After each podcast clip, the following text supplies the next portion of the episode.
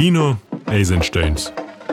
Filmu studiju Mistrus Mēdija, Kultūra Kapitāla fonds un Kultūra Elpa piedāvā sarunu par kino, cilvēkiem, filmām, rekvizītiem, kinokamerām, krāsām, naudu, mūziku un to, kas skatītājiem nebūtu jāzina.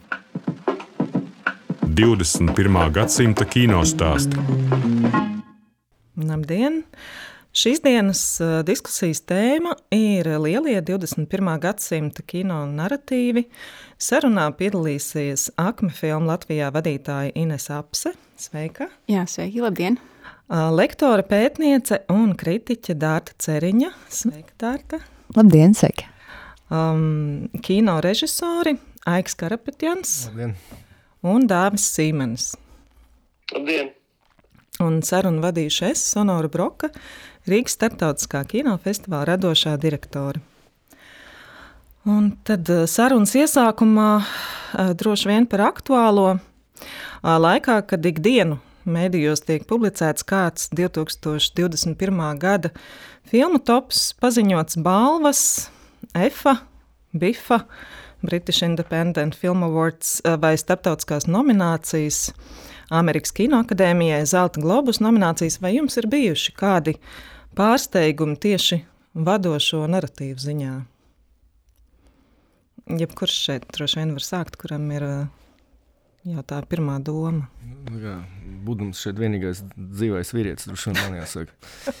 uh, es godīgi sakot, es vispār nezinu, kas ir nominēts, tāpēc man ir ļoti grūti uh, komentēt vispār. Uh, es nesekoju līdz nominācijām. Bet uh, ir redzēts daudz filmas. Uh, pēdējā laikā es uh, tieši, kad beidzās filmēšanas, es uh, pievērsos šī gada filmām. Un, uh, ņemot vērā, ka visu šī gada laikā runāja visi par to, ka 21. gadā būs nenormāli daudz filmu, likās, ka nebūs laika vispār vismaz uh, rādīt kaut kādu priekšstatu par šī gada uh, kino industriju, teiksim, tā uh, rezultātu. Un, uh, man kaut kāds sanāca noskatīties uh, kaut kādas filmas, un arī pateicoties Rifam, es noskatījos dažas filmas uz liela ekrāna. Uh, Un ir diezgan uh, pretrunīgs iespējas vispār. Uh, ja iepriekšējos gados bija vienmēr kaut kāds četri nu, tādi uh, super favorīti, man vismaz šogad es tā kā knapi, knapi varu kaut kādas divas filmas nosaukt, kas kā likās, ka ļoti labi ir. Nu, priekš manis, protams, uh, objektīvi runāt par, par to, kas ir labi, slikti, to nevar. Bet, Bet kāds tendences, tas ir šausmīgi grūti par to arī runāt, jo tik dažādi filmi ir šogad, gan žanriski, gan, gan, gan stāstu ziņā, ka ļoti grūti kaut kādu vispār vienu ko tendenci nosaukt, kādā mēs esam kino ainavā pasaulē. Bet viennozīmīgi, ka aktuāls tēmas diezgan aktīvi atspoguļojas gan arī visās, ir sevišķi amerikāņu filmās. Tas politiskās, sociālpolitiskās tēmas ir tik un tā joprojām ir favorītos. Un, diemžēl mākslinieckās vērtības jau nav tik ļoti aktuāls, cik tēmas filmām. Un es domāju, ka arī šogad tie liela festivāli, kas piešķīra galvenās balvas filmām, tas viņas bija vairāk, manuprāt, par tēmām, nevis par kaut kādu māksliniecisko vērtību. Vismaz man tā likās, varbūt es kaut ko nesapratu līdz galam. Kuras bija tās divas, kas bija ievērības cienīgs. Tev. Es vakar noskatījos filmu, kas šobrīd man ir. Uh, Filma numur viens ir. Tā bija šī gada sākumā, manuprāt, iznāca tā amerikāņu filma Mauritania par to Guantanamo. Man kā, šobrīd tas ir favorīts šī gada. Mm -hmm. Es piekritīšu Aikam. Uh, sakot šādi, ka ir ārkārtīgi grūti definēt, es domāju, ka tā ir 5, 10 vai arī 20 tēmas, vai arī žanrus vai apakšžanrus kā tādus, bet man liekas īpatnēji arī pārskatot, kaut arī vakardien izziņotās Zelta globus nominācijas, cik nospiedoši Vismaz attiecībā pret kinoteātriem ir straumas platformas un straumas platformu mārketings un, un, un, un prestiža veicināšana kā tāda. Um, Jā, jo atkal, piemēram, Zelta globus kontekstā, kā, nu, tiešām favorīti ir, ir Netflix. Ar, ja nemaldos, laikam bija 18 nominācijas, bet, bet kopumā domājot par lielajiem festivāliem un tendencēm, jā, ir, es domāju, ir tēmas, kā kā izcēlums, kā novērtējums. Un ir sakritības arī ar, ar māksliniecisko kvalitāti. Man gan jāatzīst, bija interesanti skatīties uh, and Sound uh, topu, nu, no tāda tīri antropoloģiska pētnieciskā aspekta, ka pirmajā vietā ir uh, Jonas Hogas uh, suvenīra otrā daļa, kas man šķiet interesanti, kā kino par kino kas arī jāatzīst viena no manām šī gada favorītēm, arī tieši kanās izrādīta. Nu, lūk, un, jā, sociāl, sociāls kino nevienmēr viņš arī ir uh, politisks, kas man liekas arī ir būtiski. Un tikpat labi, piemēram, Titāns, kas šobrīd ir skatāma Latvijā, viņa ir vairāk sociāla, ne tik daudz, es domāju, arī politiska. Gan domājot gan par dzimtas vai, vai, vai dzimumu identitātēm kā tādām, viņi ir, manuprāt, viņi koķitē, bet vai viņi cenšas tiešām tādu ļoti spēcīgu, nepiekāpīgu, attieksmē pozi paust, nu, tas, es domāju, ir vēl tāds maigais zobu kodiens. Jā, es varu varbūt arī papildināt uh, un piekrist uh, Dārtai, ka, jā, ka noteikti liela daļa uh, filmu, teiksim, kas, uh, kas šogad, uh, nu, dēļ, dēļ pandēmijas un tā, uh, nonāk, nonāk straumēšanas platformās, un tad jau, nu, teiksim, tas li lielā kino, teiksim, pieredze, uh, vai kā varbūt, varbūt nav vairs uh, priekšplānā tieši tajās nominācijās. Um, un arī nevar droši vien uh, nepieminēt to, ka teiksim, zelta globus balvas šogad, šogad ir tādas, uh, kā varētu pateikt, mm, nu, varbūt tādā ēnā palikušas, jo teiksim, ar, ar to, ka izpelnījās kritiku dēļ tā, ka tajā Amerikas tā kā, pareizāk ir Foreign Press Association, tā kā ārzemju preses asociācija, kur pārstāv tikai, tikai baltādēni cilvēki. Tādā, tādā ziņā ka teiksim, šogad Zelta globus nominācijām, es domāju, nav tāds svars. Ja, teiksim, vienmēr, vienmēr uz tām skatījās kā uz um, priekšvēstnesi, uh, ko mēs varam sagaidīt no Amerikas Kinoakadēmijas Oskars balvām. Tad šogad, teiksim, dažas stundas pēc viņu nomināciju paziņojuma, Amerikas kino kritiķu apvienība nāca klajā ar savām nominācijām. Tas ir arī vēl tāds moments. Dāvi? Nu, es, es, es gribētu teikt, ka ir muļķīgi mēģināt ieraudzīt kaut kādu jaunu tendenci eh, jaunajā desmitgadē, jo es domāju, visas tās eh, ir procesi un filmas, kas top šobrīd, viņi ir ļoti burtisks eh, turpinājums pēdējās desmitgades vai pat ilgāka laika perioda attīstībai kinematogrāfā. Tas ir mm, pirmām kārtām jau Eh, tāda pseido iekļaujošā, eh, iekļaujošā kino eh, radīšana, kas, kas vairāk balstās tieši kaut kādos tādos sociāli, varbūt satraucošos faktos vai, vai nu, parādībās, kurām ir obligāti jā, jātiek pieminētām nu, teksim, sabiedrības attīstības kontekstā. Un, un, un, un tas, protams, līdzīgi kā Aiks teica, ne, nekādā veidā neveicina māksliniecisko attīstību. Otra lieta, es domāju, ka tomēr ir jāizdala divi, divi veidi kino, ja, jo, jo ir pilnīgi skaidrs, ka, ka neskatoties to, ka, ka lielie festivāli cenšas nu, savā ziņā um, nākt pretī skatītājiem tajā komerciālā kino nozīmē un, un, un savā ziņā uh, varbūt denominē tās prasības, mākslinieckās prasības pret filmām par labu skatītāju ieinteresētībai, tad šie narratīvi kļūst plānāki, e, varbūt mazāk, mazāk sarežģīti. Um, tomēr uh, tā starpa vai tā lielā nošķirtība starp uh, to, ko piedāvā uh, strau, straum, straumas platformas un Hollywoods studijas, ne, kas ir viens kaut kāds tāds, uh, klasteris, tad, protams, tas ļoti, ļoti atšķirīgs no tā, tā, tā festivāla piedāvājuma. Bet tā pašā laikā es domāju, ka nu, kopumā ņemot, manuprāt, ir, eh, tas ir, ir salīdzinoši neinteresanta kino laiks.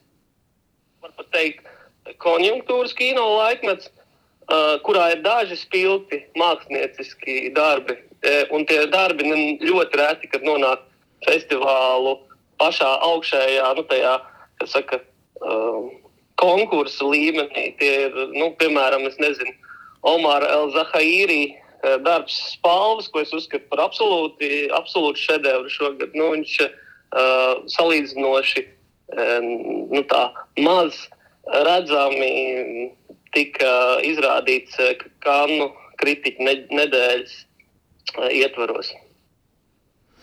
Dēls teica, ka pēdējā desmitgadē ir notikušas nelielas izmaiņas, bet tomēr tās izmaiņas jau notiek.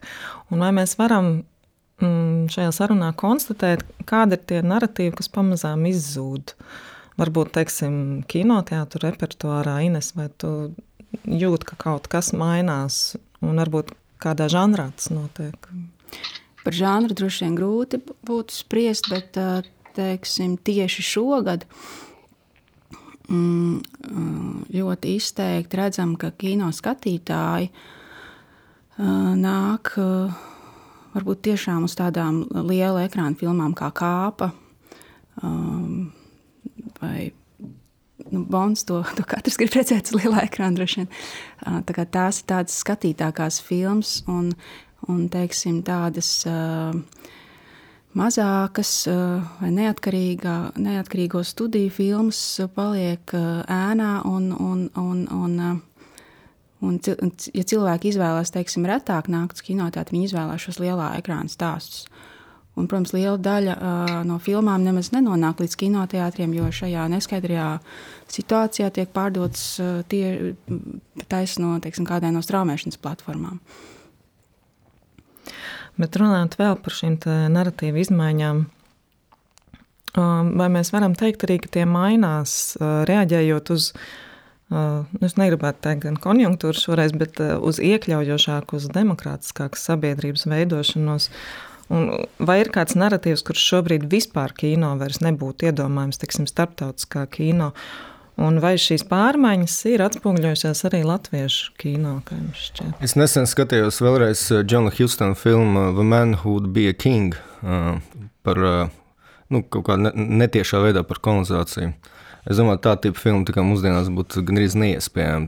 Es esmu dzirdējis, ka, piemēram, ja kāds grib uztaisīt filmu par aborigēnu vai indiāņiem, uh, Tur juridiski diezgan liels problēmas varētu būt, jo jāiziet cauri visādām, visādām procedūrām, lai tiktu vispār līdz kaut kādam finansēm, jo visi baidās par to tēmu runāt, lai neviens neapvainojas. Es domāju, par kolonizāciju varētu būt tāda, tā, tāds žanrs, kas vispār jebkurš žanrs vai stāsts, kas skar kaut kāds pretrunīgs tēmas, viņas nav iespējams mūsdienās, jo neviens nav gatavs polemikai vispār. Šobrīd polemiska retorika ir pilnīgi pazudusi sabiedrībā, ir tagad izteikti sa sabiedrība ir sadalījusies divās grupās, un katrs dzīvo savā mikropasaulē. Tāpēc, bet tajā pašā laikā arī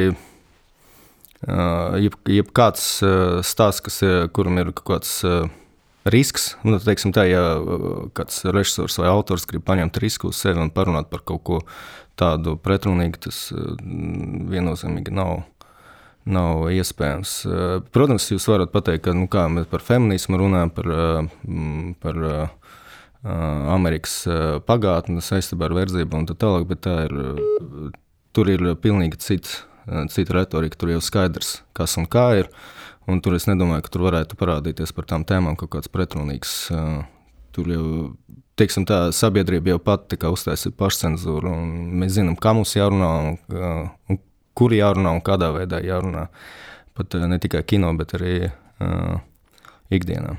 Uh, bet par žanriem uh, runāt, uh, vispār tā kā drīzāk es runātu par to, nevis kas ir pazudis, bet kas ir palicis vispār. Un es, Ines ļoti pareizi teica, ka kinoteātris šobrīd ir Ir tikai lielā ekrāna formāta filmas, ir pārsvarā, protams, Holivudas filmas, un plus vēl bērnu filmas vai multēnas animācijas. Tas ir vienīgais, kas ir palicis kinoteātros, un es domāju, viss pārējais žanrs ir platformās. Runājot par kolonizāciju, es atcerējos uh, eksterminēt Alde Brūts Raulam Pekam bija HBO, kas uh, kā reiz runā par kolonizāciju, bet tikai no cita aspekta. Es, tā jau ir. Es nezinu, to, jā, varbūt, varbūt. es, es tikai saku, to, ko es redzu. Es jau maz uh, salīdzinoši skatos. Es uh, vispār biju neskatos. Sapratu, es nosījos, es, es nosījos tieši uh, HBO bija Bergmana filmas uh, remakes. Uh, Scenes from a Marriage.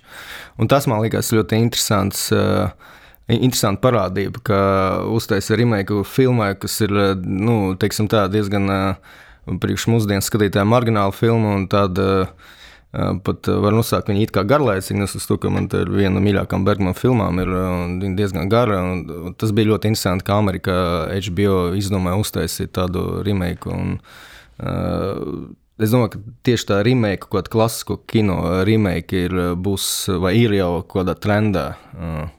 Es, es tagad neatcerēšos, bet arī kaut kāds dažs filmas bija, kuras bija no klasisko kino adaptācijas vai remake. Un, un tas ir kaut kāds jauns, manuprāt, kas nav bijis. Un kas nebūtu iespējams, protams, vēl kaut kādā desmit gadu atpakaļ, ka Warner Brothers vai, vai kāda liela studija dotu naudu, lai uztaisītu remake, piemēram, Bergmana filmai. Tagad tas ir iespējams. Es runāju par žanriem un narratīviem, gribēju papildināt, vismaz tas ir mans personīgs vērojums, skatoties gan straumas platformu piedāvājumu, gan arī festivāla kino, gan arī repertuārus. Ir, Viņš ir ārkārtīgi interesanti, ka veidojas tāda žanriskā, tāda revizionisma iezīmes kā tādas. Un piemērs, manuprāt, ir spilgts.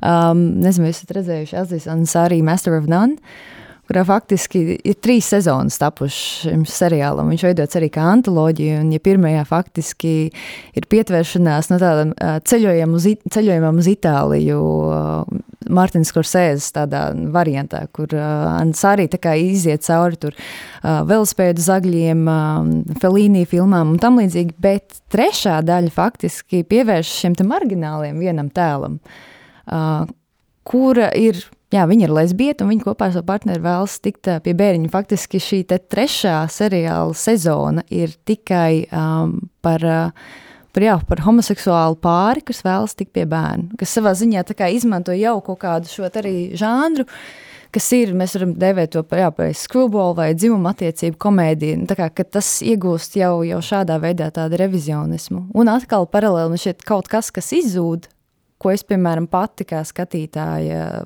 pamanu, un kas man personīgi interesē, ir labas komēdijas. Jo komēdiju um, kā tādu ir grūti atrast uh, Eiropas kinos, pat teikt, ir daudz interesantāks, piemēram, um, The Worst Person in the World, um, Norvēģa Joachim Trīra filma, um, manuprāt, ir labs, uh, saprotams, es domāju, arī plašākajai auditorijai. Tu viņu redz kā komēdiju? Es viņu redzu kā komēdiju, jā. jā.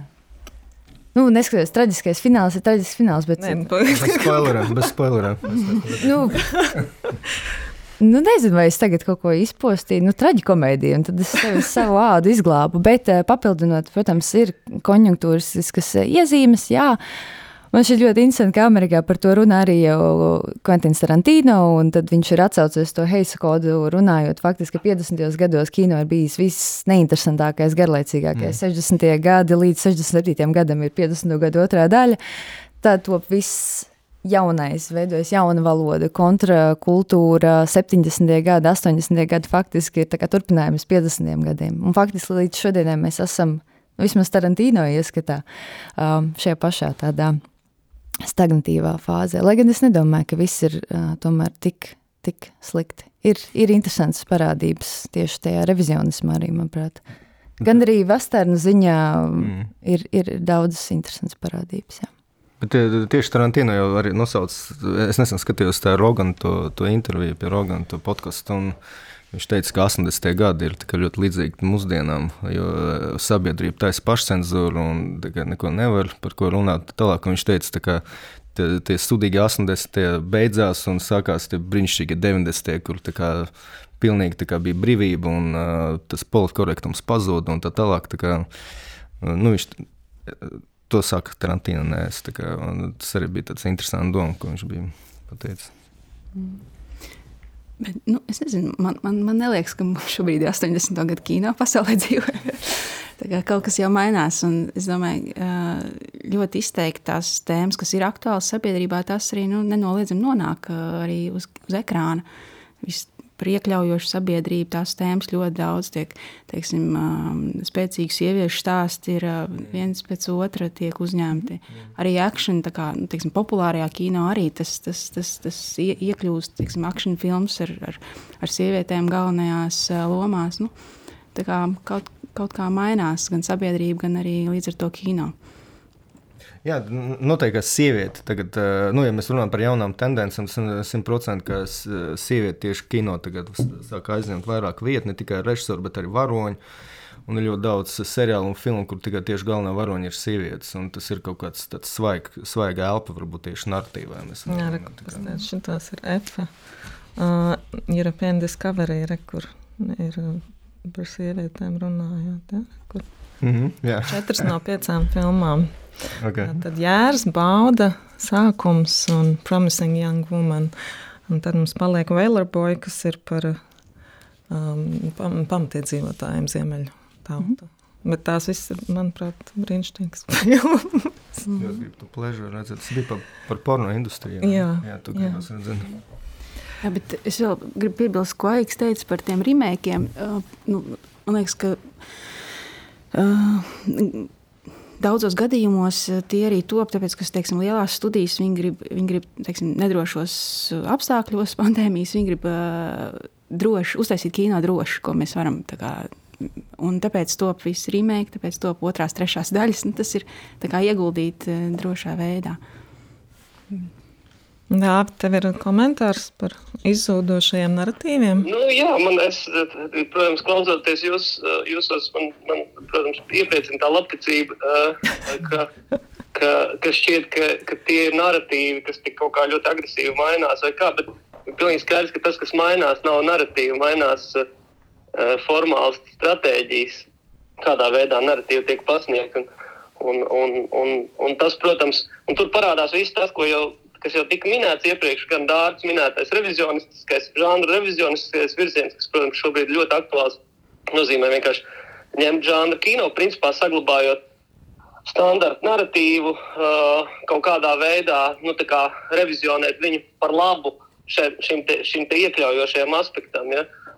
Tāpat tās runājot par ne tikai remake, man liekas, vissvarīgākā tendence, par ko šobrīd ir svarīgi runāt, ir visa veida uh, sīkveli, prīkveli, uh, spin-offi un viss vis šāda veida kino, kas ir tiešā veidā saistīts ar to, ka nu, pēdējos desmit gados sabiedrība burtiskā veidā ir uh, no attiecībā uz kino ir pieredzināta pie sēriju veida domāšanas, un uh, šādas filmas daudz vieglāk adaptējās sabiedrībā, daudz vieglāk mums ir apmeklēt kārtējo. Ja agrāk tās bija tikai Bonda filmas un varbūt uh, zvaigžņu kara filmas, kas piedāvāja šādu veidu nu, domāšanas kontinuitāti.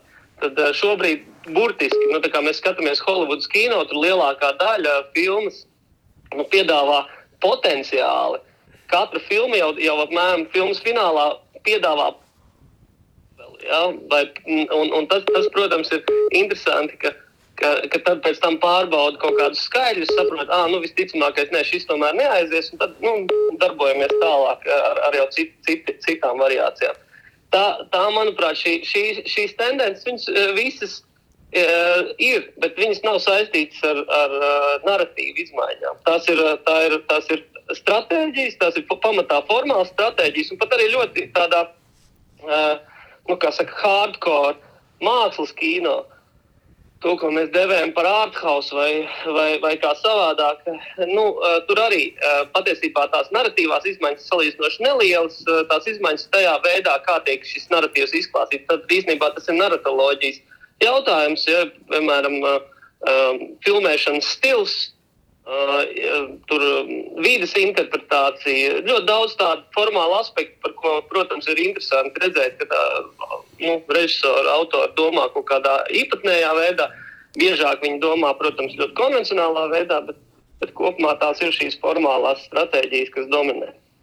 Es dāvu pieaugu, es nepiekritīšu ar tevi, ka narratīvas nemainās. Tāpēc, es, es, es ar tevi piekrītu, ka tagad uh, films. Uh, Uh, filmām ir teiksim, tā, nav nobeigta. Nu, piemēram, divi. Ja? Viņi beidzās tā, ka mēs gribam uh, otro daļu nostīties. Un tā ziņā es ar dāvu piekrītu, ka tagad cilvēki bija citādāk uztver stāstus. Bet uh, tajā pašā laikā tomēr filma beidzās, nu, rupi runājot, vai primitīvi runājot, kā kādā otrā akta beigās, tā kā dzimuma beidzās. Un kādreiz vēl kaut 10 vai 12 gadu atpakaļ tas būtu neiedomājami, ka filma beidzās bez beigām.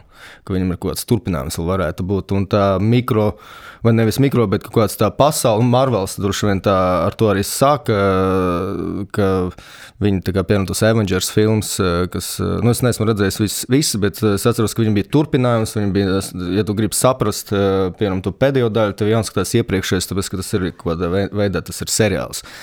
Bet, uh, tad... Tas jau nevienu brīdi nema, nemaina man uzstādi. Es, es tev pilnīgi piekrītu tam, ko tu saki, bet tas nevienu brīdi ne, tas nepadara to par narratīvu. Tas, ka narratīvs tiek aprauts, tas, ka ir šie te, uh, aprautie narratīvi, ko, ko, ko bieži vien, vien sauc par, uh, par tiem uh, nu, nepabeigtajiem narratīviem, nu, uh, jā, nu, viņi šobrīd uh, Tāda ir, bet tā ir formāla stratēģija. Tā nav, tas jau nav narratīvs, tur viņš turpinās. Nu, piemēram, filmu, jūs pieminējāt filmu Dune, vai ne?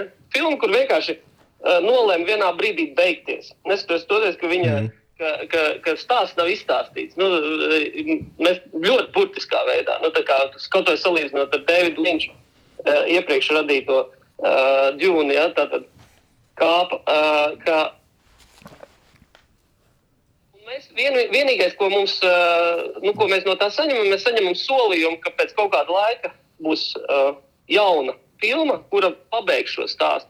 Bet tas jau nemaina to, ka, ka stāsts ir tas pats. Ja? Un tā ir tā problēma, manuprāt, ka, ka arī tad, kad mēs eh, spēlējamies ar tādiem jēdzieniem, kā nu, visa veida, visa veida iekļaujošās sabiedrības eh, elementiem, kur ir jāizceļ, kur šobrīd, nu, teiksim, tādā e, Eiropas iepakojumā atbilst Eiropas vērtībām vai kaut kādai pareizai Eiropas kultūras saprašanai, tad, diemžēl, ši, ši, šis iekļaujošs aspekts jau tiek iepakots vienkārši tajā pašā narratīvā. Viņš vienkārši tas narratīvs ir, nu, tie stāsti ir tie paši vai ļoti līdzīgi. Ja. Es, es, es, es teiktu, ka mēs varam runāt par tēmu variācijām, bet kopumā par, par tādām kaut kādi eh, radikāli jauni narratīvi, nu, pat, pat tādi, eh, man liekas, revolucionāri kā Leo Karaks eh, pat šobrīd nepiedāvā jaunu narratīvu. Nu,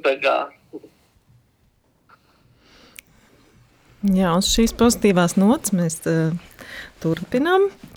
Ja tas tikai stāsts, stāsts, stāsts ir tas pats, tikai neviens vairs nesmēķē mūsdienās filmās.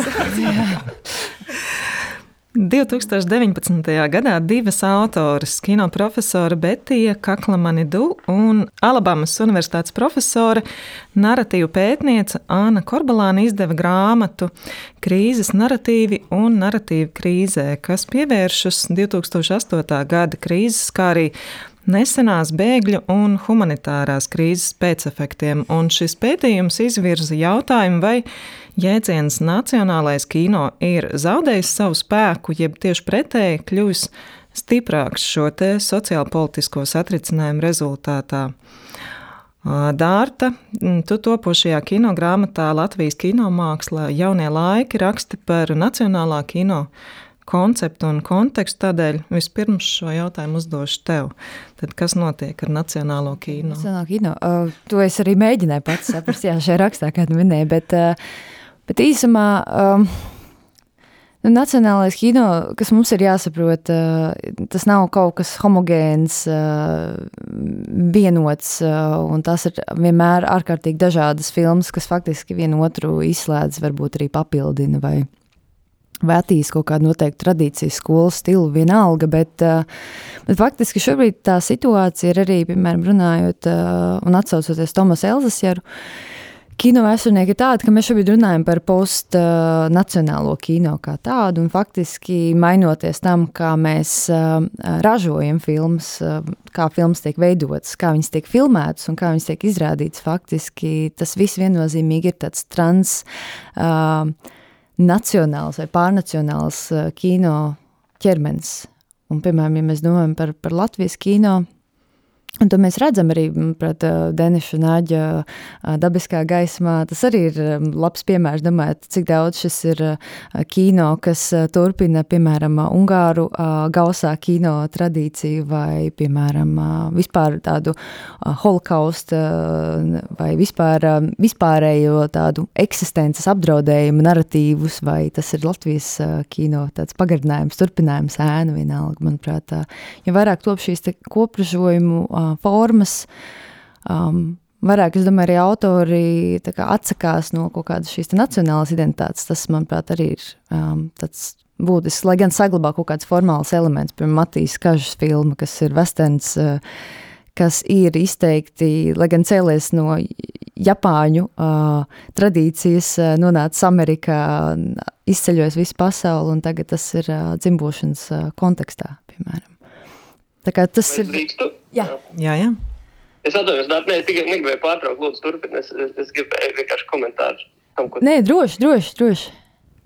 Jo es, es saprotu, ka es tas mazliet tā kā nu, cilvēks, kurš varbūt slims, viņš, viņš uh, viņai kaut kāda negācija uz, uzspēsies. Bet, uh, manuprāt, kas ir interesanti, ka dar, tas, ko tu minēji, uh, to patiešām var attiecināt uz kino, kas, kas manuprāt, tapa uh, 2000. Gadu, gadu pašā sākumā, nu, teiksim, līdz 2010. gadam aptuveni, kad patiešām šī uh, koprodukcija, šī koprodukciju um, ķēde un tas, kādā veidā filmas tika veidots, eh, nu, pavēra iespēju savā ziņā globalizēties un nacionālajam kino nu, kā, eh, atvērties uz, uz, uz pasauli tādējādi.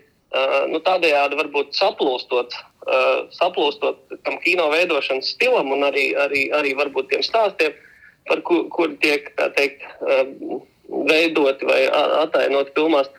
Bet, uh, bet, manuprāt, un šeit patiešām ir tas, par, par, par, ko, ko minēja Sonora par to 2008. gada krīzi un arī, arī imigrācijas krīzi vēlāk. Ka, manuprāt, tieši otrādi, ka šobrīd tā vir, virzība ir pretējā virzienā, ka nacionālais kino kļūst ar vien stiprāks. Es uzskatu, ka tā nav slikta tendence. Es uzskatu, ka nacionālais kino šobrīd uh, var piedāvāt interesantas, uh, savā ziņā iekšējas uh, at, attīstības, uh, radītus labus, interesantus darbus. Uh, bieži vien viņi patiešām, ja, runa par nelielākām valstīm, bieži vien tas, tas uh, um, filmas uh, pat uh, savā ziņā ir līdzīgas kaut kur savstarpēji, ja, tā kā uh, vien, viens uh, valsts ietvaros.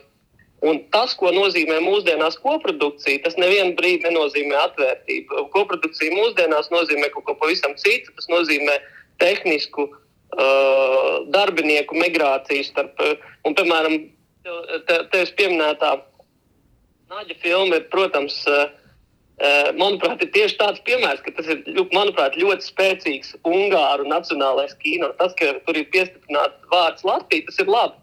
Nu, tas ir labi, ka, ka mēs varam uzskatīt, ka šī filma ir uh, ar kaut kādu tapusi ar latviešu līdzdalību, bet manuprāt, tas ir, uh, tas ir ļoti spēcīgs Ungāru nacionālā kino piemērs. Un tas, tas, manuprāt, patiešām ka man šī tendence, manuprāt, tieši virzās pretējā virzienā, un manuprāt, tas nav slikti. Nu, tas, jo jo ne, nevar būt tāda, vairs nav tāda režisora, var, izņemot varbūt pāris, varbūt Eiropā tāda režisora, kur varētu atnākt ar kaut kādu ideju un saņemt viņu, uh, viņai finansējumu ārpus savas valsts uzreiz. Tādu gan tikpat kā nav palicis. Ja, tur ir daži vecmeistari, kaut kādi gerontozauri, kuri, kuri vēl ir, bet kopumā uh, režisoriem mūsdienās, autoriem ir jāpaļaujas uz savas valsts finansējumu, kā rezultātā arī viņi savā ziņā ir ļoti cieši saistīti ar savas valsts uh, tātad, nacionālo kino.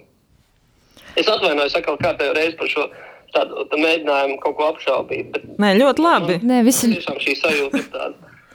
Ļoti labi. Es vienkārši uzreiz varu pāriet pie nākamā jautājuma, kas varbūt dos iespēju arī pārējiem piedalīties šajā um, izdevumā. Laikmatīgais Eiropas kino Tomas Elzesers uh, savā rakstā National, Transnational and Intermedial Perspectives in Post-2008 European Cinema Izmantojot Grieķijas jaunā viļņa, jeb Weird New Wave, kas tātad ir Jorgs Lantims, Panos Kotras, runā par to, ka brīvā piekļuve kultūrai, ko veicina globālās mēdīju tehnoloģijas, liek pārskatīt nacionālā izpratni kino veidošanā.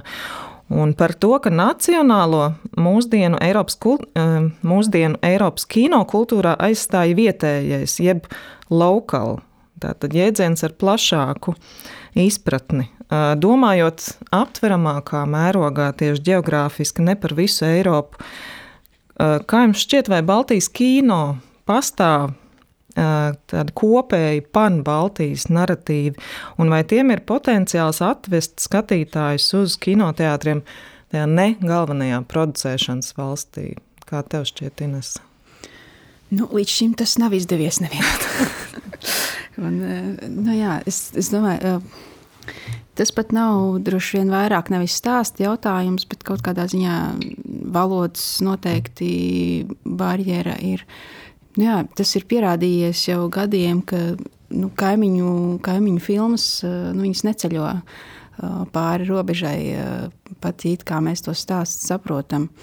Jo tikko Pat, pat valodas barjera it kā savā ziņā varbūt nav noteicošā, jo tikko Igaunu filma O2, Jā, kur arī tika dublēta la, Latvijas, valodā. ko producēta arī Latvijā, bet Lietuvā viņi iznāca dublēta lietuviešu valodā. Mm. Un, un teiksim, salīdzinot ar citām Igaunu filmām, protams, tie rezultāti ir lieliski. Bet, ja tā teiksim, salīdzina šīs filmas rezultāts Lietuvā un Igaunijā, nu, tad tas ir nesalīdzināmas lietas. Nu, tādā ziņā ļoti grūti. Uh, mēs arī uh, vēl gaidām uh, bērnu filmu, Ziemassvētku džungļos, ģimenes filmu. Tā gan varētu būt tāds izņēmums. Mm, tāpat kā animācijas filma Lotte, kas arī veiksmīgs, salīdzinoši veiksmīgi ir pie mums startējusi un, un Igaunijā. Tā kā tāds dublēts ģimenes autorijas filmas vēl var būt, bet teiksim tādi mm, stāsti, kas kas ir teiksim, tā, strādājuši vai, vai, vai, vai bijuši ļoti apmeklēti un populāri vienā valstī, nu nekad ne, nevaram sagaidīt uh, interesi teiksim, citā Baltijas valstī. Nē, kā tā šķiet, mums varbūt interesi arī par lietuviešu stāstiem. Es biju vienā festivālā, kāds desmit gadu atpakaļ, nu, varbūt mazāk, kaut astoņi gadu atpakaļ Vācijā. Un, uh, es biju ar savu filmu, un es atceros, ka man bija daudz brīva laika. Man gribējās aiziet uz kādām citām filmām, un es paņēmu programmu. Protams, lielākā daļa no tām filmām man nebija ne dzirdētas, ne zināmas iepriekš. Es vienkārši sāku skatīties pēc valstīm. Un es vienā brīdī sapratu, ka tas ir viens no iemesliem, kāpēc, piemēram, kad tu aizbrauc uz kādu festivālu, uz tavu filmu ir mazāk cilvēku zālē nekā, piemēram, uz kādu franču filmu. Tāpēc, ka cilvēkiem ir priekšstats par franču kino, viņi vismaz, eh, jebkurš cilvēks, kas iet uz kino, viņam eh, gribās justies droši, vismaz kaut kāda garantija, ka viņš dabūs eh, kaut kādu minimālu kvalitāti. Un, un es atceros, ka es aizgāju uz vienu franču filmu, kas izrādās bija Igaunijas filma, kas bija koprodukcija ar frančiem, bet tur, bet tur bija Žana Moro. Uh, Režisors sauc Rāks, man liekas, es nemaldos. Jā. Mm. Un es nosveicu tikai tāpēc, ka tur bija Žana Moro un tur bija uzrakstīts Francija. Ja tur būtu uzrakstīts tikai Igaunija, es nekādā mūžā nebūtu aizgājis uz to filmu. Un tā ir. Un es, es runāju, ka nevis skatījos, bet kā režisors, kurš it kā daudz skatās, es daudz dažādu valstu kino skatos, bet uh, vienalga, uh, kad tev ir blakus ir franču filma un, un, piemēram, poļu filma, es aiziešu, nesu ka poļiem ir ļoti spēcīgs kino, bet es aiziešu uz franču kino, tāpēc, ka man kaut kāds lielāks priekšstats ir par franču kino izējot no pagātnes, protams, tas ir pilnīgi, pilnīgi subjektīva lieta, un tas ir uh, pašapmānīšana. Ja? Tā kā es mānu sevi, ka es aiziešu un uztīšos Kasovicas vai, vai Godāra filmu, bet es aizēju un uzstāstu kādu romantisku komēdiju, kur uh, 50 gadnieki sēž restorānā un runā par mīlestību. Ja? Beig, beigās nekas interesants nenotiek. Uh, tas, uh, man nav nekāda ilūzija, ka, man nav nekāda ilūzija, ka taisot filmas Latvijā vai kāds cits režisors tur Lietuvā vai Igaunijā, es varētu mēs tur Un jebkurš režisors sapņo taisīt starptautiskās filmas. Kā, tas ir skaidrs. Un jebkurš grib taisīt Amerikā, vai Francijā, vai Anglijā, taisīt koprodukcijas un taisīt tā, lai. Un kāpēc tu gribi režisoru darīt? Lai būtu vairāk skatītāju. Tieši tikai tādēļ, nevis tādēļ, ka Francija ir labāka vai, vai kur citur ir labāka nekā šeit.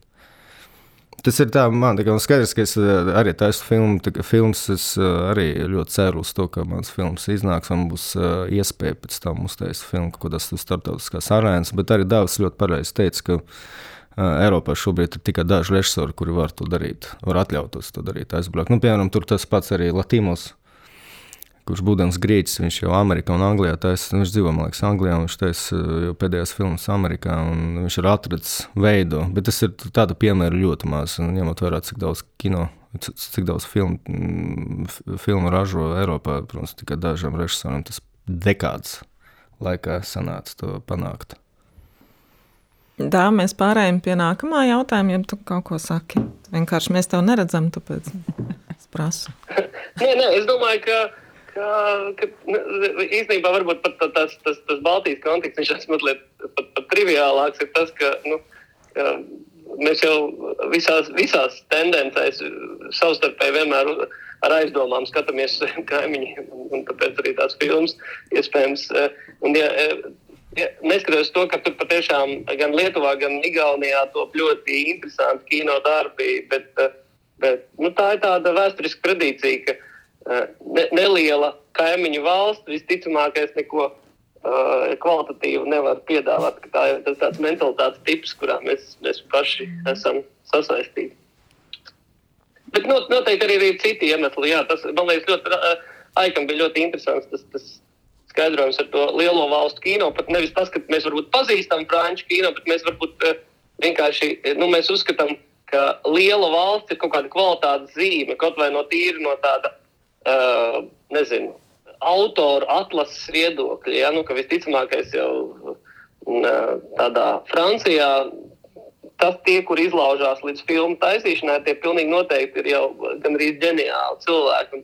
Viņu, viņu darbi noteikti ir nozīmīgāki un spēcīgāki. Uh, jā, tas var būt kaut kā.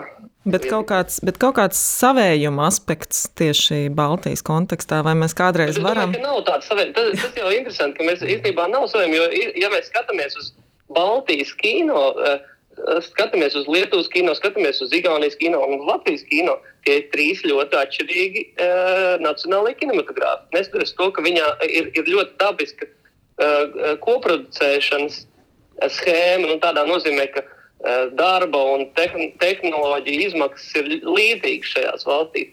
Bet uh, no, no kinematogrāfa viedokļa, no, no stilistikas, no, no, no kaut kāda veida arī tēmu viedokļa, tās ir atšķirīgi. Atšķir, tie ir atšķirīgi kino. Ja? Kā, un, un es domāju, uh, bet, bet nu, atkal jau mēs varam runāt arī par to, cik lielā mērā nacionālais kino iegūst skatītāju. Ne, ne tikai tas, ka, ka, ka, cik liels ir kaimiņu filmu skatītāju skaits, cik liels ir vietējo filmu skatītāju skaits, izņemot dažas ļoti nu, tādas eh, acīm redzamas blockbuster tipa uh, vēsturiskās filmas, ja cik, cik daudz ārpus tām uh, nu, teiksim, latviešu skatītājs patiešām uzticas saviem kino autoriem. Tas arī ir ļoti liekas, svarīgs jautājums. Varbūt ne, ne šīs dienas diskusijā, bet, bet vispār es domāju par, par, par to noteikti ir jārunā.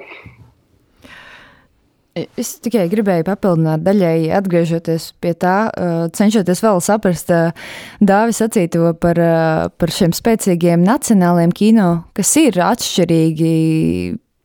Ir reģionālās narratīva iezīmes, tematiskās, ir, ir protams, arī dzene, festivāla vai izplatīšanas, šis kaut kāds noteiktais baseins, kas veido noteikti šo areālu, bet es domāju, ka tā attiecība Mm, pret Nacionālo kino ir īpaši traumas platformu laikā. Mēs varam skatīties kaut vai Netflix, no nu šo te Korejas tādu jauno nosīt vilni. Es nezinu īsti, kas tur tāds mākslinieciski jauns ir, bet faktiski interese par Korejas kino, kur arī mārketē ļoti mērķiecīgi kaut, kaut ko vienot, un uh, ir veidojusi līdz ar to gadu gaitā noteikti auditorija ar savu skatienu, pieredzi un vēsturi. Nu, minot kaut vai Squid Game parazītu, kas faktiski ir jau populārajā kultūrā, nu, plašākie autori jau kaut ko izsaka, rada kaut kādu nojausmu par to, kas ir um, teiksim, šis noteikti nacionāls kino, bet vai tas ir nacionālais kino? Kā... Es domāju, ka tas ir nacionālais kino. Tas pilnīgi noteikti ir nacionālais kino. Kore, Korejas kino mūsdienās ir īstenībā ļoti veiksmīgs mārketinga uh, projekts. Uh, tam kino ir savs.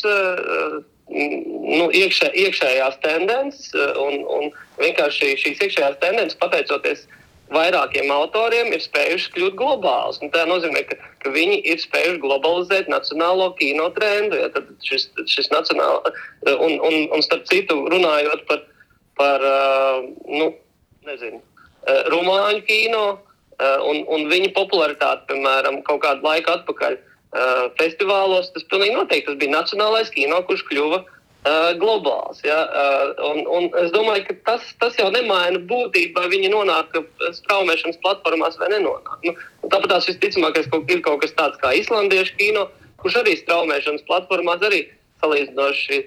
Vai dāņu kino, kurš, kurš noteikti šajās straumēšanas platformās ļoti labi um, nu, spēja iekļauties pateicoties vienlaikus labiem autoriem, atsevišķiem, bet vienlaikus arī ļoti spēcīgam valsts atbalstītam uh, mārketingam.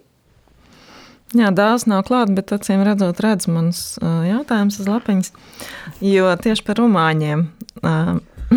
Runājot rumāņu, viena no pazīstamākajiem režisoriem radu džudas producentei pieder izteikums, ka no rumāņiem neviens, un te droši vien vairāk tiek domāta starptautisko kinofestivāla telpa, negaida romantisku komēdiju. Tie ir konkrēti stāsti, kurus it kā jau iepriekš mēs sagaidām no viņiem. Kāds ir tas klišejiskais priekšstats, kā jums šķiet, kādus narratīvus sagaida no Latvijas un arī no visas Baltijas, un vai tas kā, ierobežo, jeb tieši pretēji jau iedod rokās atslēdziņu uz filmas panākumiem?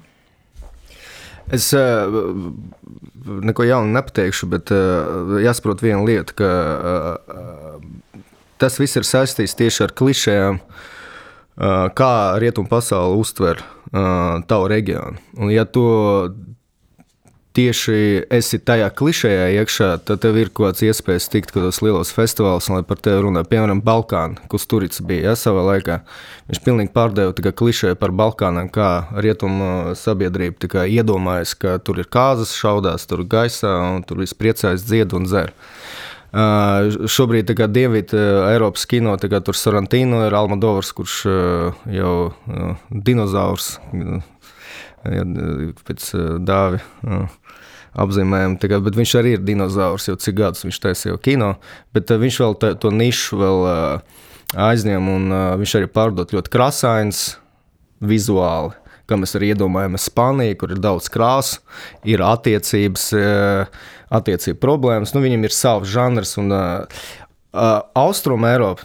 Mēs gribam vai negribam, Baltijas valsts tomēr uh, priekš rietumu cilvēki nav Ziemeļa Eiropa, cik mēs negribētu to tam ticēt, bet esam tomēr Austrum Eiropa. Un, uh, es nezinu, kā tagad, bet Rumānija tieši arī pārstāvē mm, Austrum Eiropu un festivālā jau ņēma filmas. Uh, Rumānijas es nezinu, kas tagad uh, notiek. Kad notiek joprojām Rumānija aizņem to austrumu, uh, reprezentē Austrumu Eiropu.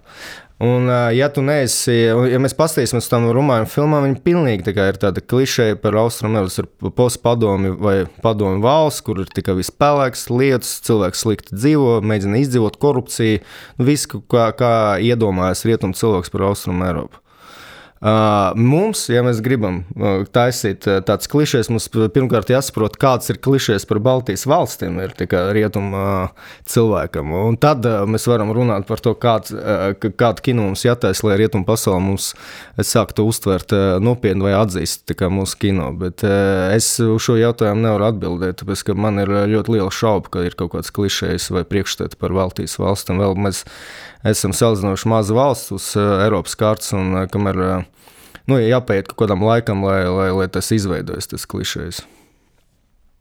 Tas ir kaut kā tā, tā lielās līnijās. Bet, uh... Aik, man, jā, es tikai pilnībā varu piekrist visā tajā, ko tu teici. Jo, manuprāt, pirmkārt, no Baltijas valstīm neviens neko negaida. Tas ir viena lieta. bet, bet otra lieta, ka, ka tas, kas, ko, ko var pārdot Baltijas valsts kā savu, savu kino, ir tieši tas, ko, ko kas ir šī te, nu, rietumu pasaules, rietumu Eiropas tādā ļoti, ļoti, ļoti dīvainā postkoloniālā izpratne par to, ko nozīmē Austrum Eiropa. Patiešām tie ir deklasēti cilvēki, nu, tādi absolūti traģiski tikteņi, cilvēki, kuriem reāli nav dzīves, cilvēki, kuriem visticamākais dēļ tā, ka viņi dzīvo Eiropas perifērijā, Eh, viņiem nav nekādas Eiropas kultūras izpratnes.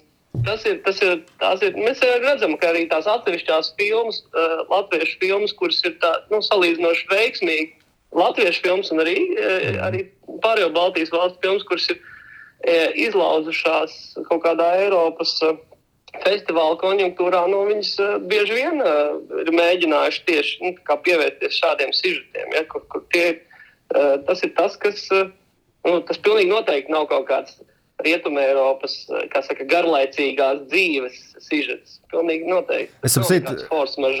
Es saprotu, viena no mīļākajām šī gada filmām tieši kādā ziņā ir par to klišēju. Tas ir uh, Kirillis Riebrņēko filma Petrova gripa. kas bija Kanās. Bet viņš iedeva vēl kaut kādu papildu vērtību vismaz tajā pasaulē, ka viņš tādu parādīja viņa tādu seriālu pasauli, bet uh, viņa savā būtībā ir tieši tas, kā mēs, piemēram, uztveram Krieviju, ja?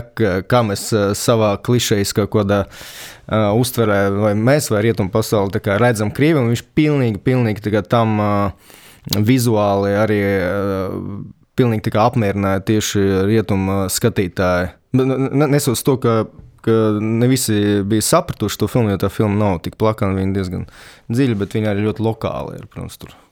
Bet tieši Aigas gribēja teikt, tieši Petrovas slimība ir viens no tiem piemēriem, ko es iepriekš teicu, ka tā ir forma, tur ir ļoti spēcīga formālā stratēģija. Jā, jā. Tas nozīmē, ka, ka, ka formas ir ļoti spēcīga. Ļoti, jā, ļoti spēcīga forma. Jā. Pār narratīvu. Jā, tāpēc es, es, es teicu, ka tur tieši tā iedod kaut kādu papildu vērtību.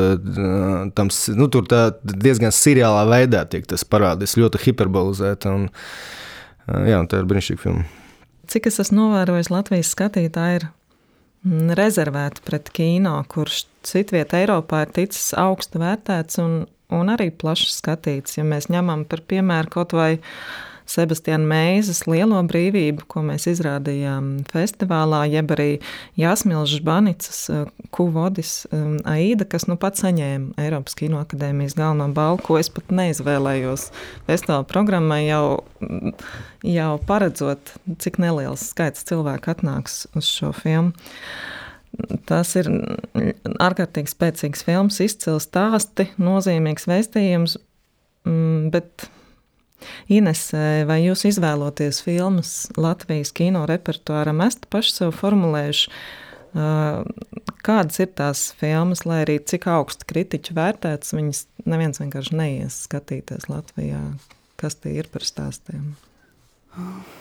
Nu, protams, jā, nu, teiksim, mm, tās saucamās art house filmas, jeb festivāla filmas. Uh, nu, tur, ir, tur ir noteikti jā, risks. Eh, mēs jau nu, izvērtējam katru filmu, ko mēs piedāvājam kinoteātros. Eh, nu, tā kā Akmeņfilmu uzņēmums, kas kā, uh, darbojās, lai, ne, ne, ne, ne, lai negūtu zaudējumus, ja?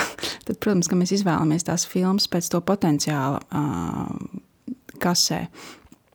Un, Nu jā, diemžēl, kā jau minēju iepriekš, teiksim, uz, uz teiksim, nomācošā Holivudas stāstu fona, teiksim, tādi vairāk arthouse un festivāla kino paliek ēnā un nesasniedz to, to skatītāju. Es domāju, ka mums vienkārši ir pārāk maz iedzīvotāju vispār Latvijā, nu, teiksim, uz, un uz tā fona. Nu, teiksim, Citā valstī, lielākā valstī ar vairāk iedzīvotājiem, varbūt tāda festivālu filma arī procentuāli varbūt nelielāka daļa nišas kino, tas būs nelielāka skatītāju daļu viņi sasniegs, bet tomēr tas būs kaut kas, ar, ka tā filma vēl var nopelnīt, teiksim, kinoteātros. Bet pie mums nu jā, ir, ir diezgan drūma situācija. Nu, vienīgais mēs arī vairākas filmas izplatām ar Eiropas mēdīju atbalstu. Tā kā tas ir nu, mazāks risks, teiksim, ieguldīt šīs filmas mārketingā un, un, un izplatīšanā. Tas, protams, palīdz. Es atradu tādu interesantu vietni, A Good Movie to Watch, kuriem ir tieši Eiropas kino izlase, diezgan, diezgan interesanti izlase. Un tas viņu ievada teksts ir, ka Eiropā Brexit un līdzīgas nacionālistiskas kustības palielina uh, nepieciešamība atrast to, kas Eiropas stāstniecībā ir kopīgs. Ārvalstīs Eiropas filmas bieži tiek augstu vērtētas, taču netiek pietiekami noskatītas. Uh, Nabas saprata, ka Baltijā mums iet visai grūti ar, ar mhm. kopējiem stāstiem, bet uh, Eiropas kontekstā vai ir iespējams vienoties uh, kaut kādos kopējos narratīvos, ja tomēr šis dalījums Ziemeļvalstis, Austrum Eiropa, Beneluks valstis, viņš tomēr saglabāsies, tur nav iespējams nekādas pārplūdes.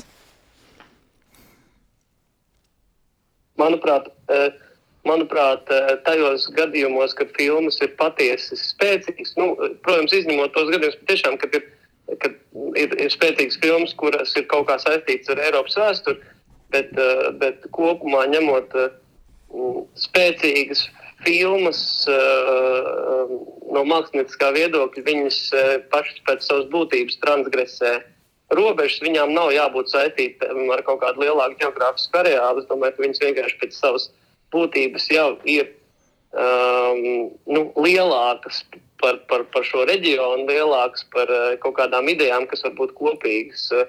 Un, um, un man liekas, tas ir tas, kas ir jāveicina. Veicināt kaut kādu kopēju, kopēju stāstu radīšanu. Nu, tā, tā, tas jau ir kaut kāda veida ierobežojums. Ja kurš ierobežojums? Kino jau šobrīd ir jau ļoti ierobežots. Uh, mēs runājām par to, uh, kādām filmām vispār dod naudu šobrīd. Jā, mēs, mēs runājām arī par to, nu, kādas tēmas ir tās dominējošās. Nu, manuprāt, vēl ierobežot to, ka nu, noteikti ir kaut kādas vienotās Eiropas vērtības, kurām ir jāsako. Un tad šīs filmas būs kaut kādas arī nu, šajā vienotajā Eiropā arī tiks skatīts. Nu, nē, es domāju, izcili mākslas darbi ir spējīgi transgresēt robežas. Skaidrs, ka ka vieglāk viņiem to ir darīt, tad, ja viņiem aizmugurē stāv ļoti spēcīgas, lielas valsts ar lielām kino industrijām, kurām vienkārši šīs izplatīšanas ķēdes un, un, un kaut kāda veida kontakti ir spēcīgāki par mazu valstu kinematogrāfu. Bet minot vēlreiz Lielo brīvību un Jasmīlas Žbaničs filmu, um, kā jums šķiet, vai, vai un kā ir iespējams veicināt kino auditorijas Latvijā atvērtību pret šiem uh, ne saviem vēsturiskajiem narratīviem. Tātad tā ir cits valsts vēsture, cits valsts stāsts, un vai tas var mainīties ar laiku?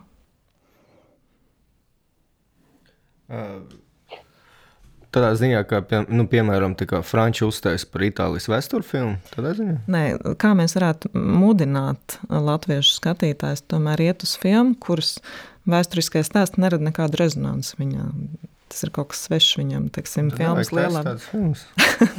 tas ir kā kaimiņu, kaimiņu stāsts, un vai kāpēc tev ieiet skatīties kaimiņu, jā, teiksim? Sebastiāna Meizes filma Lielā brīvība, mm, nu man pārsteidz, jā, tas apmeklējums, kurš nebija traģisks, bet es biju sagaidījusi daudz lielāku, tomēr viņi ņemot vairāk arī ir pazīstami aktieri, pazīstams režisors, bet tas stāsts tā tad jā, ir par šo te, uh, krimināli sodāmo homoseksualitāti, sākot jau no Pirmā, Otrā pasaules kara līdz pat.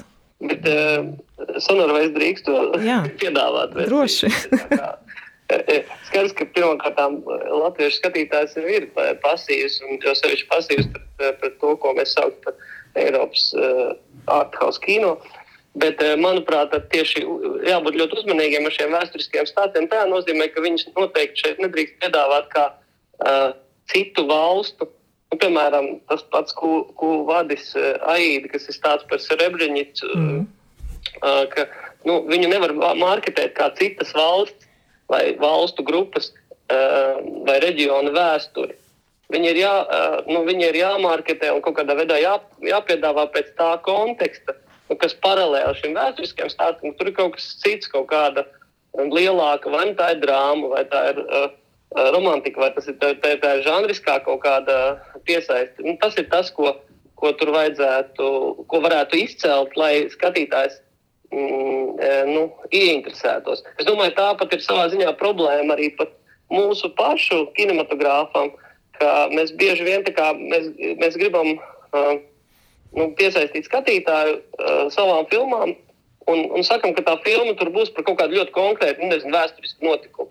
Bet īstenībā tā filma ir par kaut ko daudz vairāk. Nu, tā filma ir nu, kaut kā tevis pieminētā vācu filma. Viņa, nu, tā ir filma par mīlestību. Tā ir ļoti, manuprāt, ļoti spēcīga filma par mīlestību. Un, un, tā, ja, es domāju, ka, ka tā problēma ir tas, kā, ka mēs nu, mēģinot pateikt, skaidri pateikt, ka filma ir par tādu un tādu notikumu vai tādu un tādu vēsturisku situāciju, mēs automātiski skatītājiem liekam atgriezties no tā viedokļa, ka viņš saka, ah, nu, kāds tur man ir sakars ar to? Es vispār ne, ne, ne, kaut ko par to zinu, ne, arī man tas īpaši interesēja.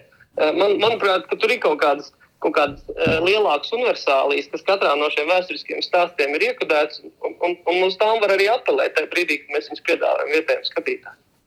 Jā, Dāv, tavās filmās vēsturiskais narratīvs ir balstīts tieši Latvijas pieredzē.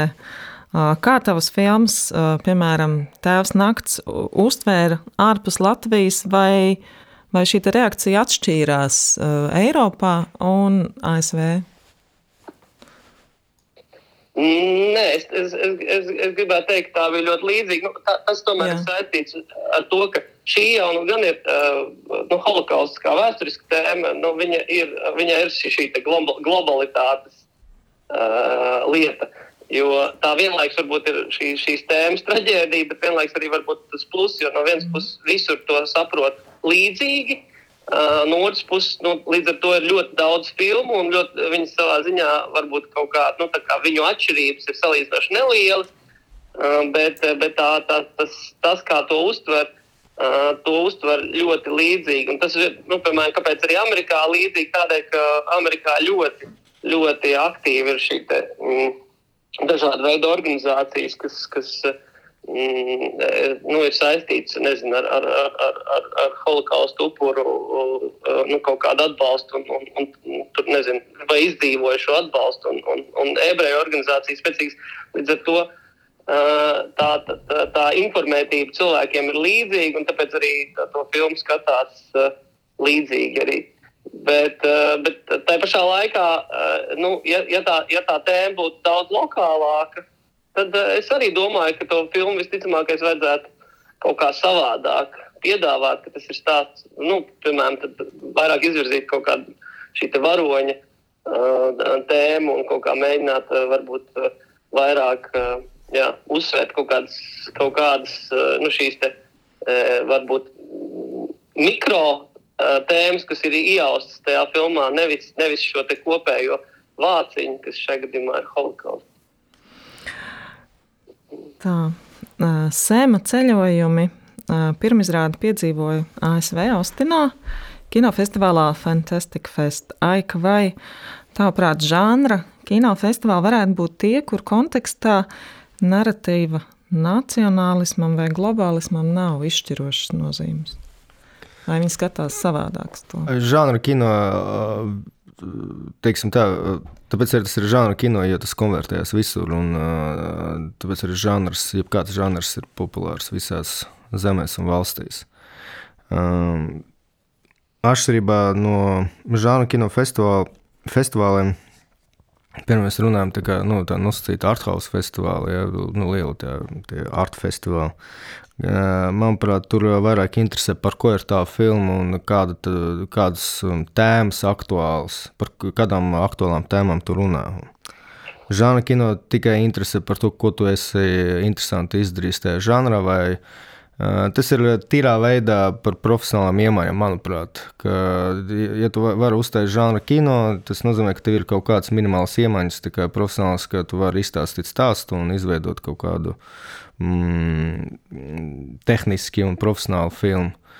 Un, uh, tas, uh, nu, saprotu, šeit ir tieši tas ir labs piemērs par to, ko mēs runājām iepriekš, ka mm, šī filma uz 75% ir angļu valodā.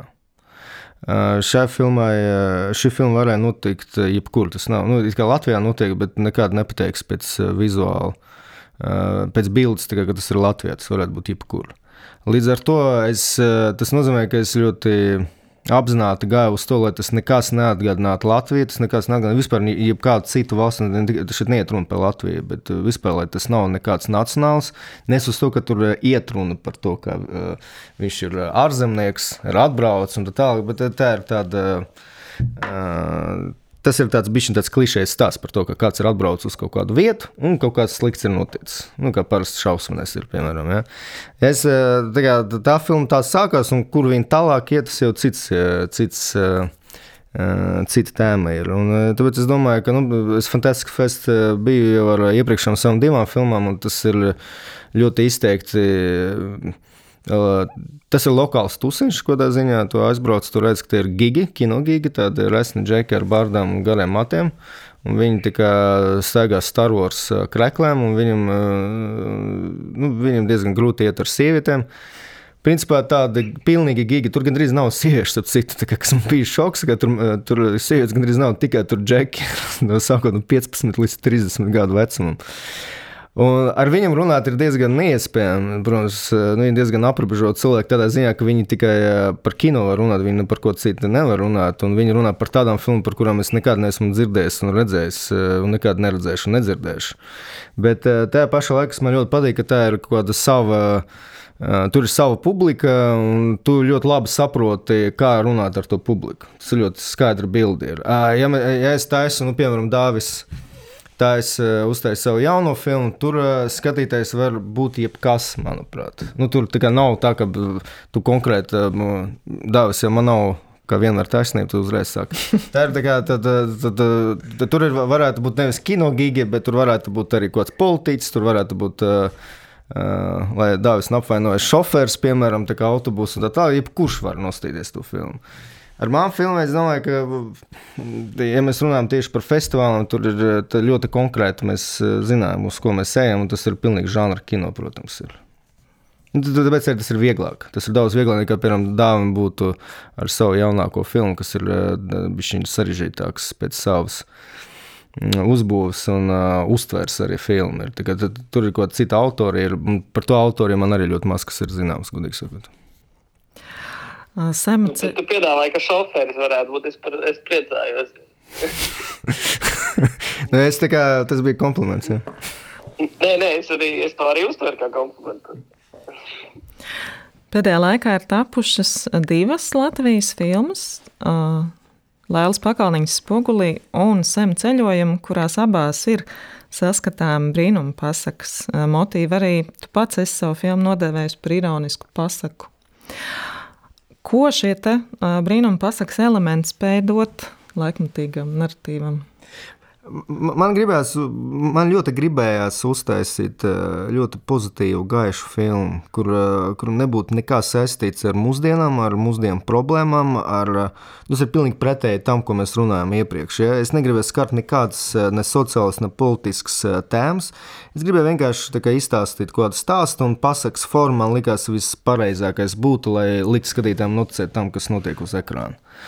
Un tas arī ir viss. Un, uh, it sevišķi mēs, kad taisījām šo filmu, tas bija tieši Covid sākums. Un, uh, tā pandēmijas uh, sākums bija, un es biju vēl vairāk pārliecināts par to, ka jāuztais tādu gaišu, vasarīgu, saulainu, uh, saldu, kādā ziņā filmu, kur arī labi tur sākās viņa kā kaut kāda horors, bet uh, viņa transformējas par uh, ļoti romantisku filmu, manuprāt. Un es, uh, es, jā, tādā ziņā es par spoguli, diemžēl, neko nezinu. Es neesmu redzējis mm -hmm. to filmu, bet uh, tendence, ne tendence. Bet tajā brīdī man likās, ka tas būtu pareizākais. Varbūt man nebija taisnība, bet man toreiz tā likās. Mm -hmm. Man liekas, ka tur īstenībā es drīkstu īsi komentēt. Man liekas, ka, ka tieši šis pasakas modelis, jeb kaut kāda veida nu, nu šī e, nerealitātes ienākšana um, mūsdienu pasaulē tādā veidā slēpjot to mūsdienu pasauli, īstenībā ir potenciāls tam, lai filmas iegūtu tādu lielu narratīvu statusu. Jo, eh, manuprāt, tie lielie narratīvi vai nu slēpjas vēsturiskajā kino, jo mūsdienu kino uh, pamatā tie, tie, tas, tas, kas vēsta par mūsdienu sociālo, politisko vai sociālo ekonomisko uh, pasauli, kurā ir kaut kādas problēmas, viņš vienmēr ir šauri uh, definē, nu, tādas šauri definējamas problēmas. Kā rezultātā, protams, tā, tā universali, universalitāte, ja tas narratīvu lielums, viņš automātiski pazeminās. Un man liekas, ka tas, tā iespēja ir vai nu vēsturiskais kino, kur vienkārši ir šie nu, milzīgie, lielie narratīvi, vai nu patiešām ievies šo te, šo te nerealitātes, vai pasakas, vai brīnuma klātbūtni, ja, kas automātiski Eh, piešķir eh, nu, tam, tam, tam stāstam kaut kādu lielāku, eh, lielāku dimensiju, un nu, patiešām tas narratīvs kļūst liels. Nu, piemēram, pirms kāda laika bija Odiāra filmā Pravietis, ja, kur, kur īstenībā ir ļoti nu, tāda mūsdienu. Nu, Cietuma vidi, bet, bet tur bija šī brīnuma klātbūtne, un automātiski šī filmas, tas, tas, tas, tas, tas narratīva lielums, tika uzaudzēts. Nu, kādā ziņā tā jaunā filma arī ir pasaka. Nu, labi, tāda fantasmagorija, bet kādā ziņā tā jaunā filma arī ir pasaka, manuprāt. Jā. Labi, es piekrītu. Jā, laikam es. Uh... es laikam saskatīju vēl kaut ko sem ceļojumā, vēl bez pasakas. Vairāk raksturīgi tādam Latvijas kino netradicionāliem virzieniem. To varētu tikpat saukt uh, par country exploitation, jeb, jeb, jeb medūzu kino ar, ar dusmīgajām sievietēm, jeb pat female gaze. Kas bija tie tavi? Tie kino narratīvi, tās kino tradīcijas, kas tev varbūt iedvesmoja veidojot šo filmu? Sākotnēji bija man arī nosaukums, bija tas Pigimpā. Man sākotnēji gribējās uztaisīt Sam Pekimpā stilā filmu. Un, uh, es toreiz biju liels, nu, joprojām esmu liels Pekina fans, un uh, man gribējās uztaisīt tādu mačisku, tādu, nu, tādu filmu. Es, protams, ar laiku sapratu, ka tas ir uh, riskants ceļš. Es biju tā kā maigāks, esmu palicis varbūt par to tēmu. Un, uh, Uh, tur viss, ko var saskatīt. Es par to country eksploatāciju, bet tas ir smieklīgi, bet varētu arī tas būt. Tas man tā kā. Uh, Ir vesela virkne ar tādām filmām, protams, par uh, laukiem. Bet uh, es atceros, ka tas bija jauns un smūgs. Es uh, runāju katrā stūrī par to, ka nedrīkst taisīt filmas par laukiem. Es, es atceros, ka es vienreiz uz laukumu par to tieši iedomājos, ka nu, nekad nesaka, nekad. Diskusijas izdomāt kino no jauna dalībnieki bija skeptiski par lielo ideju kino nozīmi, atcaucoties piemēram uz britu un amerikāņu kino otrā pasaules kara laikā patriotisko patosu. Es jautāšu tomēr arī šajā sarunā, vai šobrīd kino ir nolasāms kaut kādas virsidejas, lielās, abstraktās idejas? Kā jums šķiet? Kā paklusums. Tas ir bija gudriem cilvēkiem jāvēršas. Es jau nezinu par tādām lietām, es nedomāju ikdienā, diemžēl. Nu, manuprāt, tas jau ir atkarīgs manuprāt, no, no, ir ļoti grūti e, to tā noteikt. Es domāju, ka, e, ka e, pa, paša filmu autori ne, ne līdz galam zina, kas ir tās virsidejas vai tās abstraktās idejas, kas ir viņu filmās. Ja? Un tad ir jautājums, kas ir skatītājs, kas potenciāli viņus varētu nolasīt. Un, manuprāt, nu šeit parādās tāds ļoti neatrisināms vienādojums, jo Jo, uh, ja, ja, ja būtu absolūti skaidrs to virsidēju, tāda, nu, tāda virsidēju skaidra, fo, skaidra formulējumi, uh, tad arī varētu nu, tam, tam skatītājiem uzdot jautājumu, nu, vai viņš ir sapratis to, to vai citu lietu. Uh, bet es domāju, ka tajā brīdī, kad šīs virsidējas ir formulētas, ka šīs kaut kāda veida, nu, tā kā varbūt kaut kāds tā, tas ap, ap, abstraktais, uh, apslēptais. Uh, idejas veidos filmā. Ja viņš ir formulējums, nu tad visticamāk, ka tā filma vispār nav vajadzīga. Jo tajā brīdī viņa jau kļūst par vienkārši kaut kādu veidu uh, nu, zinātnisko literatūru. Bet, uh, uh, nu, tad, tad autoram tā filma nav jātaisa. Uh, tā pašā laikā skaidrs, ka, ka, ja mēs runājam par to skatītāju, šī brīža skatītāju, kurš ir pieredzināts uz, uz dažādu veidu, nu, jauniem skatīšanās modeļiem, tur nezinu, skatīties telefonos, skatīties datoros, pārtraukt skatīšanos filmas vidū, atsākt viņu nākamajā dienā. Skaidrs, ka, ka ja nav šī kino pieredze, lielā ekrāna pieredze, kinoteātra pieredze, tad arī šo ideju lasījumi ir daudz sarežģītāki šobrīd. Un skaidrs, ka viņi, nu, viņi um, kļūst kaut kas ļoti elitārs un, un, un pieejams salīdzinoši nelielai skatītāju grupai. Jā, domājot par uh, universāliem, es piekrītu Dāvim. Es nevaru, protams, runāt no tāda autora pozīcijas, uh, kas, kas es neesmu runāt vairāk, protams, no skatītāja skata punkta, bet uh, Domājot par universāliem, mēs iepriekš runājām par brīnumu pasakas narratīviem vai pasakas klātbūtni, kas faktiski ir jebkurā, jebkurā kultūrā, kurā ir literatūras vēsture un orālā, orālās literatūras vēsture.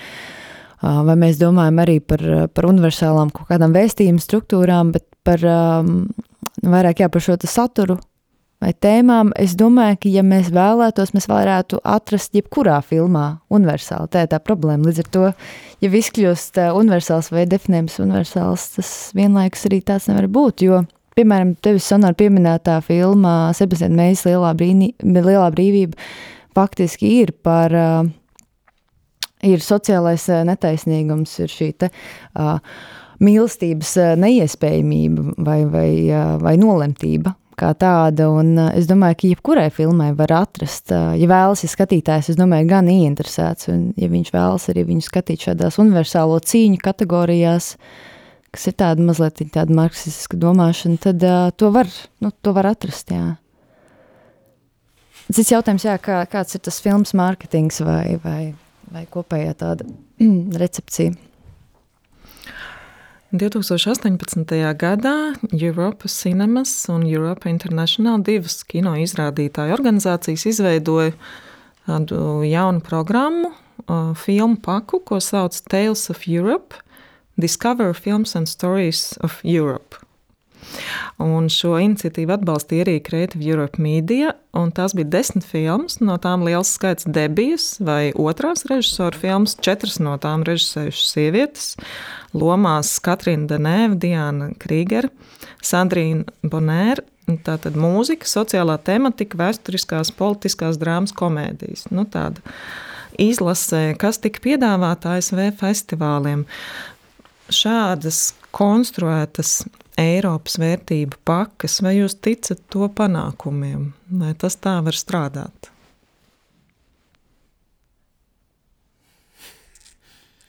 Nu, man kā negatīvā, uh, negatīvā viedokļa konstantam pārstāvim, protams, jāsaka, ka nē.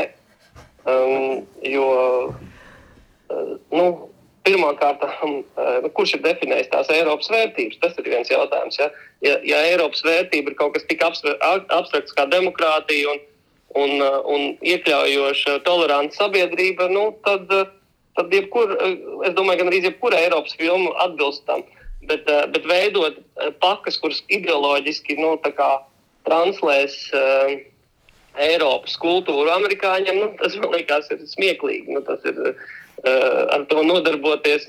Kā jau es teicu iepriekš, manuprāt, uh, nu, tas, tas, tās filmas, kas ir izcilas, kas ir, uh, nu, kas ir spēcīgi, mākslinieciski jaudīgi darbi, viņas savu ceļu atradīs arī, arī Amerikas festivālos. Un mēs esam nu, bijuši liecinieki tam, ka nu, arī, arī pat uh, spēcīgas filmas no Latvijas uh, ir, ir atradušas savu, savu, savu skatītāju Amerikā, nu, kaut vai festivāla līmenī. Piemēram, mēs pat runājam par aiku filmām, kuras ir bijušas žanra festivālos, tāpat tās arī ir.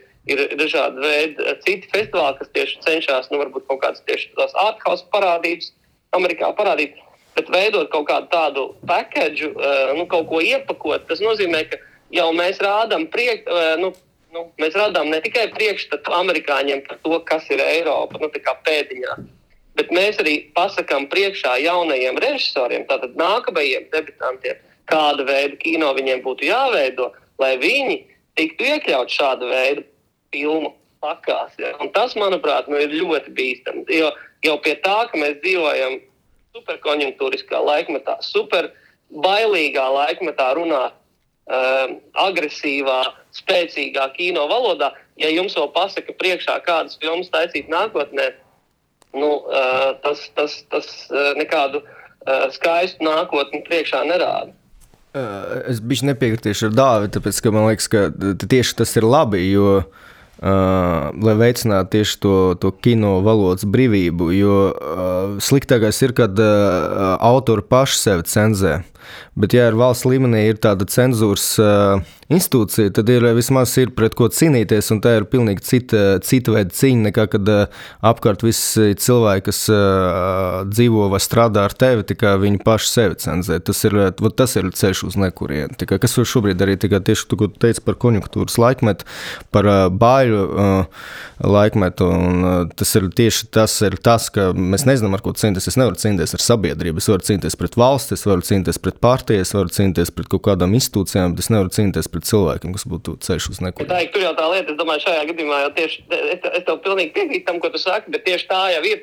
Eh, ka tajā brīdī, kad kaut kas tiek eh, parādīts, kā tas darbojās, kaut kādu uh, nu, tādu lielo mehānismu, lielo politisko mehānismu līmenī, tad autori sāk nodarboties ar pašcensūru. Tieši viņi sāk veidot filmas, kuras, kuras atbilst, nu, viņuprāt, atbilst kaut kāda veida um, nu, jā, jā, es, nē. in, in, institucionālajam uh, pieprasījumam.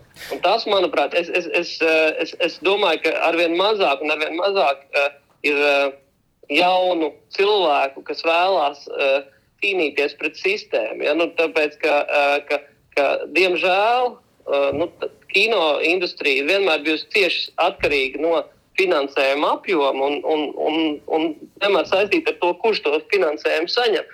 Un, un šajā kontekstā uh, autori var būt ļoti, ļoti pielaidīgi pret sevi un ļoti spēt sevi pašcensēt tieši tādēļ, lai, lai gūtu finansējumu, lai gūtu iespēju taisīt kino, bieži vien uh, atkāpjoties no uh, dažāda veida saviem morālajiem uzstādījumiem vai ide, ide, ide, idealizētajiem uzstādījumiem. Jā, bet tajā brīdī parādīsies režisori, kuri tieši uzstāsies pret tiem režisoriem, kuri nodarbojas ar konformismu. Vi, viņi vienmēr būs tāpatās, un es domāju, ka tas ir ka, ka, ka ne, ne jau šāda veida ideoloģisku uh, vērtību filmu paku izplatīšana. Nē, nē, tas ir pilnīgi neefektīgi. Es tev piekrītu, tas ir pilnīgi neefektīgi.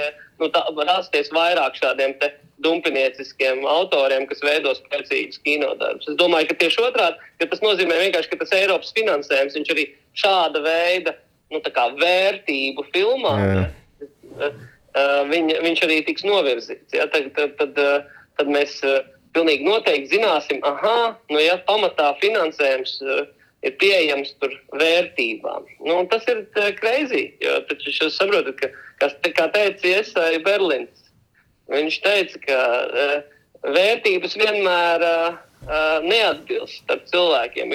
Tas, kas vienam ir vērtība, tas citam ir kaut kas, ko, kas, kur viņš atrodas antagoniskās attiecībās ar to. Un, uh, un no tā viedokļa uh, tajā brīdī, kad kāds pasaka, kas ir vērtības, un, no, un nosaka, kas tiks finansēta nākotnē, tajā brīdī arī uh, nu, uh, tā, tā, tie, kuriem, kuri, kuri neuzskata tās par savām vērtībām, viņi vienkārši būs deprivēti no iespējas taisīt kino. Paldies jums par sarunu! Paldies par uzaicinājumu! Sarunā piedalījās Inese Apse. Dārta Ceriņa, Aiks Karapetjans un Dāvis Simons sarunu vadīja Sonora Broka. Paldies!